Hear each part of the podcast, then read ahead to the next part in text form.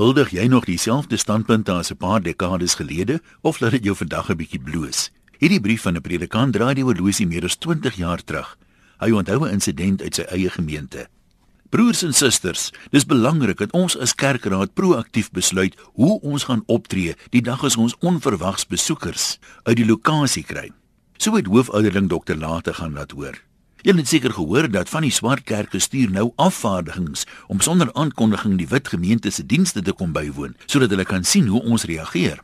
Daar was 'n ewige gemompel, maar daar's besluit dat die gemeente geen sigbare reaksie sal toon nie. Dit sal die afgevaardigdes net hulle sin gee. Al was daar ernstige murmurering dat hulle duidelik daarop uit sal wees om ons net te kom versondig. Hulle het mos hulle eie kerke dan nie, waarskynlik nog met wit geld gebou ook. Broer ouderling Frans de Waal wou egter sy teenstem genotuleer hê. Die dag dat 'n swarte sy voet in hierdie kerk sit, loop ek uit en klaar. So is die genotuleerde kerkraad besluit aan die gemeente oorgedra sodat iedereen elk voorbereid sal wees op so 'n ergerlike gebeurtenis. Maande het verloop sonder dat enige sodanige voorval plaasgevind het en almal was min of meer op hulle gemak tot een helder Sondagoggend.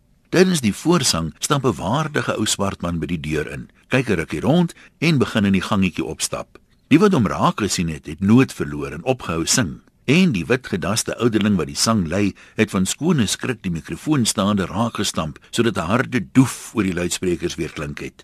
Want op sy beurt die tannie met die neusbril voor die orgel 'n noot of twee laat misdruk het. Maar almal was na 'n paar valsnote weer mooi op stryk. Al was niemand se aandag meer ten volle by die woorde in die gesangboek nie. Net broer Frans het van geen sout of water geweet nie en nog stroef na sy boekie gestaar om die moeilike geneefse psalmse woorde te probeer inpas by die sukkelende melodie van tannie Neusbril voor die orgel. Die ou swart man kies toe die enigste oop sitplek in daardie blok, heel naby aan voor in die kerk en hy skuif by die bank in en gaan sit reg langs broer Frans.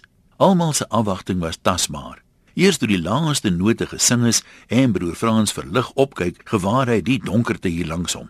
Vir 'n oomblik staar hy net en toe raap en skraap hy sy boeke bymekaar, die swart Bybel, die gesangboek, die blou sing onder mekaar boekie en die groen jeugsangbundel. En hy skuifel die ou man se bene uit die pad uit en storm die gangetjie af. Buite kan die vensters volg die gemeente sy mompelende stem, soos wat hy afsit na sy kar toe, wat soos altyd op die geen parkering grassypaadjie voor die pastorie geparkeer was. En met die aanhef van die volgende lied brul die enjin en hoor 'n mens vaagweg hoe die kosbare grasies onherstelbaar uitgetol word. Afgesien van 'n kort en kragtige bedankingsbrief uit sy amp uit, het ons nooit weer vir broer Frans in die kerk gesien nie. Die gras op die sypaadjie het mettertyd toegegroei, maar die spore het bly sit.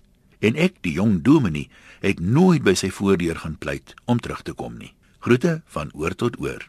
Antoniem